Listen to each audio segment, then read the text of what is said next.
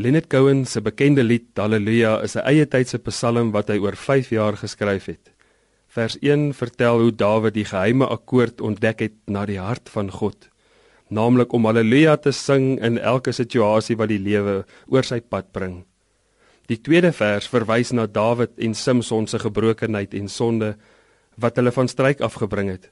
Maar steeds was dit hulle haleluja, die roep na God wat genesing en bevryding gebring het.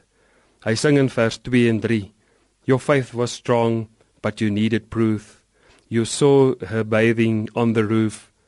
Her beauty in the moonlight overthrew you. She tied you to a kitchen chair. She broke your throne. She cut your hair. And from your lips she drew the hallelujah. It's not a pilgrim who's seen the light. It's a cold and broken hallelujah. David se versoeking en sonde het sy troon gebreek en die lewe by hom gesteel. Na die besoek van die profeet Nathan by hom, erken hy sy sonde en wend hy hom in berou na God. Dan sing hy haleluja nadat hy God se vrye genade ontdek het. God se vergifnis was hom witter as sneeu. Ons is nie perfek nie. Ons maak maar foute en soms begaan ons groot slegte oortredings. Die ergste is egter dat ons soms die mense verwond wat die naaste aan ons is.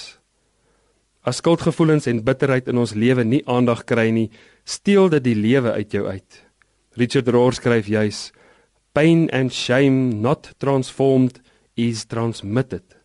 As jy nie aan die skuldgevoelens en die bitterheid aandag gee nie, dan gaan jy dit op ander projekteer. Dit bind jou en dit keer dat jy jou volle potensiaal bereik.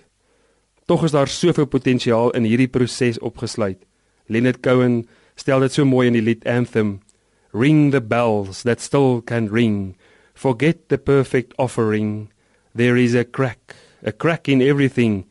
And that's where the light shines in.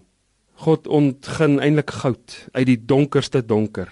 En jy kan jou breusheid kan jy na God toe bring en in hom diep berusting vind. Die mooiste gawes van vergifnis en liefde en selfaanvaarding kan jy in hom vind, die diep bevryding. Dan sing ons weer 'n nuwe haleluja. Nie 'n perfekte haleluja nie, maar 'n gebroke, egte haleluja. Kom ons kyk vandag eerlik na ons mislukkings en ons sondes en ons laat ons innooi in die oop arms van God en ons sing ons gebroke haleluja.